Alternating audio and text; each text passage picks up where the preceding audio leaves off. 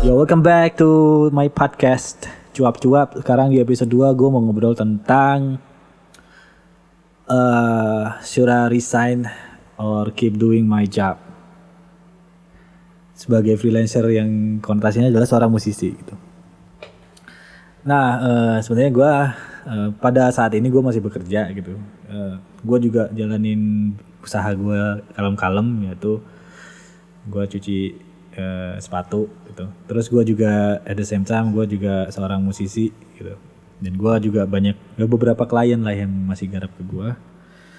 Dan uh, sekarang gue mau sharing doang sih gimana rasanya menjadi seorang musisi pekerja dan juga ya opening the business. Itu bukan hal yang mudah sebenarnya gitu. Karena gue menjalanin hal-hal itu dengan uh, ya pontang panting gitu. Gue kadang mikir kalau gue punya super power, gue pengen super power gue itu jadi manusia yang tidak pernah tidur. jadi uh, ada beberapa poin yang harus gue tekankan di sini. Menjadi seorang yang multi multitask itu bukan hal yang mudah. Tapi gue pernah kenal seseorang yang namanya Dokter Irma nggak salah ya. Jadi beliau itu adalah seorang owner dari Ayola uh, Ayola Eatery itu adalah sebuah eatery yang ada di Surabaya. Dia juga seorang dosen dan juga seorang dokter gitu dokter kan jadi gue kadang heran gitu bisa nggak ya orang-orang kayak mereka ini menghandle hidup mereka yaitu menjadi family man bahkan ya family man dosen eh family women ya family girl eh, family women lah bukan girl lagi family women gitu kan jadi jadi uh, business women dan juga jadi seorang teacher uh, dosen gitu it's really difficult ketika ditanya waktu itu Beliau cuma jawab semuanya tentang prioritas itu. Kalau kita paham prioritas kita, kita bisa mengatur hidup kita. Karena gue gua adalah orang yang nggak percaya dengan konsep work life balance gitu.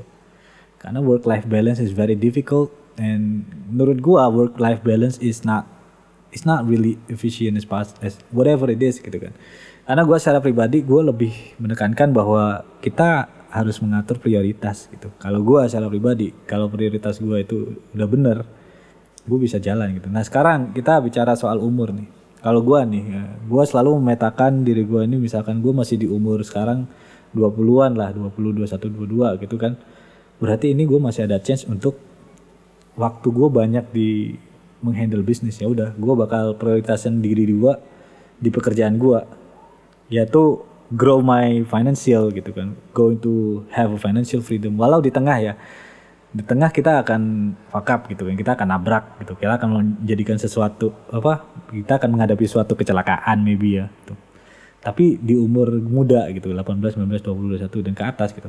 Nah ini gue gue metakannya kayak gini kalau gue gue di umur 18 ke bawah gue fokus belajar gitu. Ya bukan berarti gue di 18 ke atas gue berhenti belajar. Dengan gue melakukan ini bikin podcast ini kan gue juga belajar gitu. Tapi prioritas gue udah beda. Kalau gue 18 tahun ke atas gue prioritaskan gimana caranya gue bangun finansial gue nggak harus berpikir ambisius banget ya. Minimal gue tahu memetakan uh, duit gue mau gue petakan gue mau taruh duit gue ini ke mana gitu. Udah tahu gitu ketika gue udah bisa memetakan itu. Gue baru bisa fokus buat nyari umur 20 ke atas gitu harus bisa gimana caranya gue bisa menahan diri. Ini yang paling sering susah dihadapi adalah quarter life crisis gitu. Gue mau ke mana gitu. Mau nyari duit cuma duitnya ke mana gitu. Karena kita tujuan hidup ya kita bicara soal tujuan hidup itu nggak jauh dari yang namanya passion. Karena setiap orang punya passion dan punya keinginan dalam hidup. Kalau ada orang yang nggak punya keinginan dalam hidup mereka ya harus diatasi karena mentalnya bermasalah gitu bukan mental sih lebih tepatnya mereka nggak punya diri diri gitu kan ya yang gue khawatirkan adalah ketika gue menghabiskan masa muda gue untuk melakukan hal-hal yang tidak uh, mendorong gue untuk mencari gue itu maunya apa gitu. Jadi selama masih muda, lu punya PR, lu harus mencari mau lu apa, lu itu sukanya melakukan apa gitu kan. Ya kalau ada yang orang yang bicara soal konsep ikigai, lu bisa jalani aja dulu konsep ikigai itu. Jadi lu itu kerja yang di mana kerjaan lu itu lu suka, lu itu dibutuhkan orang, lu dapat duit dan lu punya skill di sana. Itu itu hidup orang Jepang ikigai gitu walaupun sulit ya menjalaninya karena lu kerja kadang cuman ala kadarnya kerja gitu kan nah gue belajar nih gue belajar untuk go with the flow dan menahan diri Eh, waktu gue keterima kerja sebagai seorang admin gitu. Gue awalnya adalah seorang yang suka banget berbisnis. Ya, passion gue bisnis passion gue musik passion gue juga. Nah ini bedanya apa? Bedanya passion sama hobi. Gitu. banyak orang yang bingung antara passion passion passion itu cuma sampingan hobi itu cuma halah nggak ngasilin gini gini gini. Nah gue mau nekankan ya apa yang membedakan passion dan hobi. Jadi passion adalah sesuatu yang kita kerjakan selama bertahun-tahun. Sedangkan hobi itu cuma sekedar ya kita bicara durasi doang nih. Hobi cuma ala gue suka. Misalkan gue nih secara pribadi gue suka basket gitu. hobi gue basket. Tahun depan bisa aja keadaan berubah dan gue merubah hobi gue ah hobi itu cuman ada supaya kita nggak stres gitu. Uh, adalah kegiatan yang menangkal stres kita. Itu adalah hobi. Kalau passion adalah sesuatu yang lu dalemin bertahun-tahun lu belajar tentang ini. Nah itu hobi. Eh itu passion ini beda ya hobi itu cuman sebentar penangkal stres kalau passion tuh lu pelajarin. Contohnya adalah bisnis misalkan. Gue dulu suka bisnis gitu. Tapi kok makin lama gue kok dalam banget ya. Gue kok belajar ilmu marketing gue kok belajar untuk networking gue belajar pricing gue belajar penetrating segala macem. Uh, ya menurut gue ini udah jadi passion gitu. Gue gue suka curious. Akhirnya ya udah I go with the flow where the flow taking me akhirnya gue keterima kerja. Uh, eh, gue dipanggil uh, eh, gue ada ada salah satu kenalan yang temen gue yang nyata kenalannya itu butuh seorang ya admin gitu kan. Admin uh, untuk marketing bisnisnya gitu kan. Online shop gitu kan. Ya udah gue uh, gue nggak bisa sebut nih di mana. Tapi gue belajar banyak bahwa oh walaupun terdengar remeh kerjaannya cuman admin segala macam gue bisa belajar di sana men gitu gue bisa kayak uh, nyata ini berhubungan banget sama passion gue gitu kan.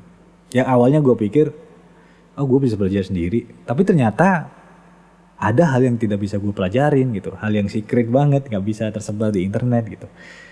Iya kan? Contohnya ya uh, online shop gitu kan. Online shop itu kan ada ya gue nggak pernah sih jualan online yang sampai seintens waktu gue kerja itu. Tapi ya itu men uh, akhirnya gue tahu tentang grafik yang tiap online shop itu bedanya kayak gimana segala macam itu jar itu belum gue pelajarin karena gue masih fokus untuk membangun skill. Nah ini untung gue waktu muda gue itu fokus ngebangun skill gitu skill di musik gitu kan. Jadi gue musiknya udah gue bangun dulu nih. Gue bangun musik gue karena musik menurut gue adalah sebuah investment. Sebuah karya adalah investment man. lo lo lihat lukisan lukisan tuh. Jay Z adalah orang yang kaya ya kan? Rapper ya kan dia ngabisin duitnya buat apa beli lukisan gitu gue kira nih anak koya banget nih orang nih duitnya banyak kok beli lukisan gitu tapi ternyata sekarang harganya segini tahun depan harganya naik gitu oh ternyata art itu adalah sebuah investment juga gitu. Jangankan painting ya, jangankan painting. Lo ngelihat sepatu Nike aja yang limited gitu. Tahun depan bisa aja naik gitu kan. Kayak oh it's an art gitu. Jadi art itu sesuatu yang ya investment gitu. Pure art ya, gue bicara pure art nih ya. Kalau art yang bener nih ya. Tapi uh, ya selama gue bisa melakukannya, gue akan melakukannya gitu. Gue tuh orangnya selalu ingin belajar. Jadi intinya mindset sih balik lagi ya kan. Kalau gue mau bikin art yang bagus ya gue harus belajar untuk ya itu passion balik lagi. Art itu adalah uh, musik adalah salah satu passion gue. Jadi gue harus tahu gimana cara membuat musik gue ini worth, gimana cara membuat gua, musik gue ini dengar dan dihargai. Ya, layak nggak dihargai musik gue ini? Gitu. Kalau nggak layak dihargain, kenapa gue belajar dan gue harus tahu dan gue grow di sana. Gitu. Jadi itu kita bicara soal passion ya kan musik gitu. Uh, tadi sampai mana tadi? Oh ya. Jadi ternyata ilmu-ilmu yang gue punya dapat dari kerjaan gue itu uh, itu memberikan insight baru terhadap musik gue gitu. Jadi gue tahu oh ternyata kita itu bikin sesuatu uh, kerjain sesuatu itu kita jangan berharap terlalu tinggi dulu. Kita ambil dulu pelajaran yang dari apa yang kita lakukan sekarang gitu. Kalau ada kerjaan yang um, ya sekecil apa pun itu kerjaannya. Kalau misalkan membuat lu survive dulu ya that's okay. Just do it gitu. Tapi kalau lu merasa udah bisa uh, belajar banyak udah belajar banyak ngantongin banyak ilmu lu terapkan untuk diri lu sendiri gitu. Jadi uh, kalau gue secara pribadi gue berpikir bahwa orang yang mindsetnya udah nggak dependent itu mindset yang bagus sekali gitu. Lu jangan uh, selamanya itu bergantung pada orang gitu. Jadilah orang yang membuka peluang gitu. Jangan jadi orang yang menunggu peluang. Kalau gua sih secara pribadi kalau misalkan lu mau grow ya uh, jangan menjadi orang yang menunggu peluang. Jadi jadilah orang yang menciptakan peluang. Jadi gua itu ya kalau misalkan ya ini gua secara pribadi kalau misalkan gua bangun pagi gua selalu berpikir gimana caranya gue bisa bantu orang solusi apa yang bisa gua berikan ke orang. Mungkin ada orang yang bangun pagi itu ngeluh gitu, ah bangun pagi ah hidupnya gini-gini aja macam. Uh, gue pernah menjadi seorang yang seperti itu. Gue pernah bangun pagi terus gak semangat anjir hidup ini buat apa sih? gini, gini. akhirnya gue nihil gitu.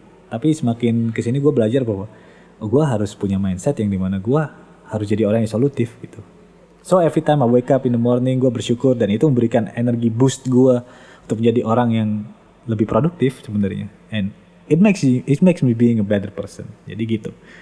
Nah sekarang balik lagi ke bahasan kita yaitu tentang uh, balancing life ya gitu kan. Kerja uh, gue harus kalau gue kerja gue harus resign apa tetap kerja dulu gitu kan. Karena gue menilai kalau misalkan project lo udah gede nih ya project lo di misalkan gue musik nih gue punya project gede di musik oh ternyata lebih gede dari pekerjaan gue nah gue gua memikirkan apakah gue bisa mengolah, mengolah duit ini atau uh, duit ini bakal habis buat beli aset dan gue siapa tahu bulan depan gak dapat project lagi gitu ya kan? Ya gue selalu berpikir gimana caranya gue sustain duit ini gitu.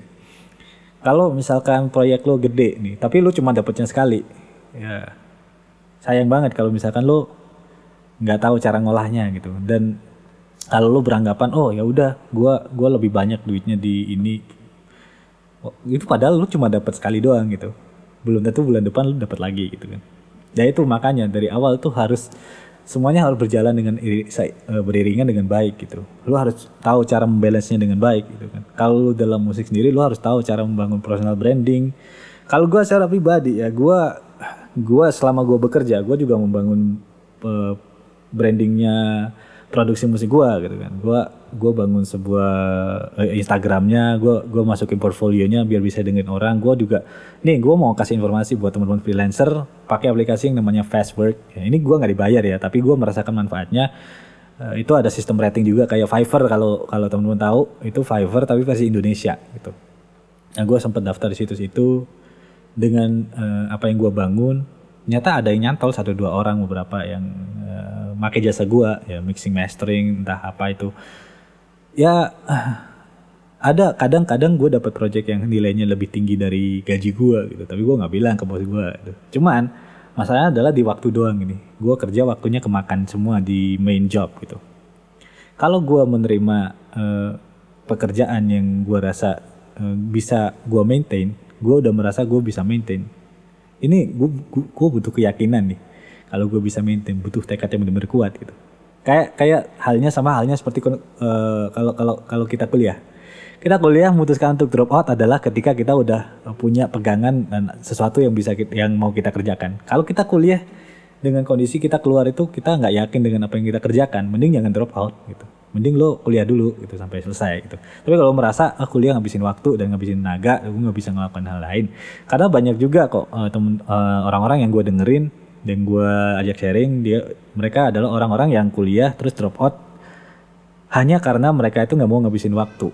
Mereka merasa mereka bisa belajar di luar dan mereka udah kerja mereka butuh duit bu mungkin I don't know gitu. Banyak faktor yang membuat orang itu drop out dan, dan mereka harus melakukannya karena mungkin duit mungkin karena waktu. Ya gue semakin dewasa gue makin sadar bahwa waktu adalah investment yang paling besar gitu.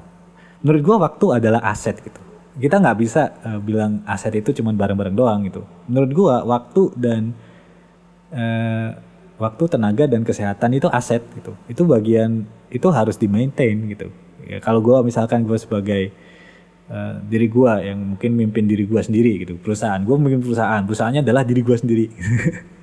gua harus ngeluarin biaya buat aset tersebut gitu. Waktu ya misalkan nih uh, eh, gue pernah denger Eka Gustiwana sharing di uh, Instagram gitu. Dia bilang uh, sekarang dia ngatur kerja itu ngatur pakai waktu time gitu. Jadi 9 to 5 dia. Dia ngatur kerjanya dia itu tiap hari harus 9 to 5 jadi seakan-akan dia itu harus nutupin biaya sewa studionya gitu kan. Padahal itu rumahnya sendiri tapi dia harus kerja 9 to 5 dan disiplin. Dan harus punya sense of responsibility supaya dia itu kerja benar-benar kerja 9 to 5 efisien efektif gitu. Jadi setelah 9 to 5 dia mendisiplinkan diri untuk ya udah kelar kerjanya jam sekarang gitu. Nah e, dari sana kita belajar bahwa e, kita harus disiplin orangnya kita harus disiplin ya. Untuk e, disiplin dan disiplinnya kita harus make sure bahwa disiplin kita itu uh, will make us grow gitu kan. Jadi kita grow jadi kita nggak di sana-sana aja gitu. Kita mungkin kerja gini-gini. Ah bosan menurut gua 9 to 5 itu bukan sesuatu yang menjebak sih. Kalau misalkan lu bisa ambil sesuatu di sana selama beberapa bulan ambil aja dulu gitu kan. Terbiasalah dulu dengan hal itu karena disiplin ntar lu bakal terlatih gitu. Ketika lu bangun pagi sekarang lu seminggu lu bangun pagi dulu lah seminggu gitu. Biasanya lu bangun siang misalkan nih bangun biasanya jam 11 gitu. Kalau lu kerja lu dituntut bangun pagi jam 8 jam 7 gitu kan. Jam 6 gitu. Ketika lu udah melakukannya seminggu otomatis lu bakal bangun pagi seterusnya men. Itu udah kayak otomatis di otak lo gitu. walaupun lo nggak dibangunin jam 6 udah bangun gitu. Semalam apa pun lu tidur jam 12 jam 1 gitu. lu jam 6 udah bangun gitu. Walaupun masih keadaannya pengen tidur gitu. Tapi lu bisa milih untuk bangun kan gitu. Dan ya menurut gue balik lagi ya untuk masalah resign dari kantor apa enggak. Karena kalau selama kalau nggak ada masalah di kantor ya lu jalanin dulu until you make sure that you have enough uh, tabungan dan lo have enough courage bahwa proyek lo bisa membiayai hidup lo minimal enam bulan ke depan atau enggak 12 apa tiga bulan lah minimal. Paling dikit itu paling parah itu tiga bulan ke depan. Yang idealnya adalah enam bulan ke depan. Karena gue belajar tentang financial dari Descartes gitu. Karena ada rumus bahwa uh, lo itu harus punya uang darurat yang minimal kalau kalau para paranya itu harus enam kali pengeluaran per bulan gitu jadi ketika ada pengeluaran lu itu pengeluaran lu per bulan gue pengeluaran per bulan gue kecil banget nih. Pengeluaran gue kayak anak kos gitu. Gue nggak pernah makan banyak gitu. Gue kali ikan enam gitu. Kan berarti gue butuh uang segitu buat bertahan hidup gitu. Sebagai uang darurat ya. Nah kita bicara uang darurat ini panjang lagi nih kayaknya. Kita bahas bahas di podcast lain aja lah eh, di podcast yang mungkin bahas tentang financial. Nah um, jadi untuk gue saran gue kalau minta saran gue mending resign apa tetap kerja uh, eh, gue gak bisa kasih saran yang benar-benar buat semua orang gitu gue harus tahu dulu background kerjaan lu kayak gimana lu ada masalah nggak sama kerjaan lu nah lu harus tahu pekerjaan itu memilih yang buat lo betah di pekerjaan adalah yang pertama gaji, yang kedua adalah rekan kerja gitu, lingkungan ya kan. Nah kalau gaji lu nggak sesuai, ya lo lu bakal resign gitu. Kalau rekan kerja lo nggak sesuai, lu juga bakal resign gitu. Tapi kalau gaji lu oke, rekan kerja lo oke, ya udah lu jalan aja. Tapi kalau merasa gaji lu kurang, ya ya udah lu minta uh, negosiasi gaji apa lu bener-bener kayak keluar gitu. Lu cari yang gajinya lebih tinggi gitu. Yang peluang lu masuk ke sana itu lebih tinggi gitu ya menurut gue kita harus mencoba tetap mencoba dalam hidup ya kan gue nggak bisa ngemantepin lo untuk keluar sekarang apa enggak? Karena gue nggak tahu case lo kayak gimana. Carilah lingkaran yang membuat lo grow gitu. Gue yakin perusahaan yang bagus akan membuat karyawannya itu grow gitu. Itu yang gue pegang sih sebenarnya. Jadi uh, kalau masalah freelance atau lanjut ini kapan kita harus menentukan kita itu berhenti bekerja dan lanjut melanjutkan uh, side job kita gitu. Nah ini pertanyaan yang sangat sulit. Karena uh, side job ini bisa jadi main job ketika side job ini bisa uh, banyak hasilnya gitu. Kita kita kadang mikir gini, oh ntar kalau gue fokus di side job gue, gue dapet, uh, gue rugi gimana ya itu konsekuensi sih menurut gue. Jadi itu konsekuensi gitu. Iya, karena kita sering jalannya waktu, saya job ini bakal yang bakal gantiin kerjaan kita kalau misalkan kita itu udah dapet PHK segala macam gitu. Ya, that's a good thing. A good thing ya adalah kita punya side job, kita punya main job dan ketika kita punya tabungan yang cukup, kita bisa mengembangkan side job. Tadi waktu-waktu kita di replace, kita nggak kaget lagi gitu. Jadi buat gue ya, kalau gue pribadi, gue gua nggak akan berhenti sebelum gue cukup tabungannya dan gue gak akan berhenti sebelum gue itu merasa bahwa gue yakin gitu karena gue masih meyakinkan diri gue gitu dan karena karena ya gue nggak pasif sih gue itu bukan tipikal orang yang menunggu kesempatan gitu gue lebih suka menjemput kesempatan gitu karena kesempatan itu datang bukan nggak ya gue percaya bahwa persiapan itu pasti bertemu dengan kesempatan gitu. orang yang siap mereka akan lebih ya, ya, ya akan menang gitu. Kalau itu itu kata Sun Tzu gitu. Orang yang siap berperang dia dia yang akan menang gitu. Dan Sun Tzu bilang selalu menangkan perang yang bisa kamu menangkan gitu. Jadi gitu, uh, lu harus siap dan lu harus tahu bahwa lu bakal menang dan lu harus uh, bener-bener yakin bahwa oh ini perang gua, ini perang yang bisa gua menangin gitu. Jangan pernah berperang dalam sebuah peperangan yang tidak bisa kau menangkan gitu. Itu itu kata Sun ya, itu kata Sun Tzu saya ingat gua nih. Um, ya lu harus yakin, lu harus tahu uh, apa yang lu bawa itu bagus. Contohnya adalah ya udah udah banyak kisah sukses kan dari uh, siapa CEO-nya Bukalapak kayak CEO-nya uh, apa? Online uh, kayak Facebook kayak mereka ditolak di beberapa perusahaan tapi mereka yakin ini akan jadi besar karena mereka tahu apa yang mereka lakukan mereka punya visi and that's big gitu kan. Jadi yakin dengan apa yang lo lakuin dulu lo harus melogika juga uh, secara financial lo bisa ngatasin itu apa enggak. Jadi lo punya uang darurat dan lo itu harus tahu bahwa kita nggak bisa hidup berdasarkan passion doang kita harus realistis jadi orang. So gue gua gua harap uh, ini bisa membuat insight lo lebih bijak lagi dalam menentukan pilihan. Karena keluar dari pekerjaan itu bukan sebuah hal yang mudah karena lu bakal nyari lagi gitu kan. Wah lu harus adaptasi lagi sama kerjaan baru gini gini. Tapi yang lu harus tahu adalah jangan pernah jadi orang yang takut untuk memulai. Selalu selalu karena ini gua gua pernah dengerin seorang atasan yang ngobrol tentang ini e, jangan pernah jadi orang yang takut untuk memulai gitu dari nol bahkan ya. Karena ketika lu berada udah jadi atasan nih lu tiap bulan atau tiap tahun bakal evaluasi lu harus lu akan memulai sebuah proyek baru proyek baru proyek baru proyek baru.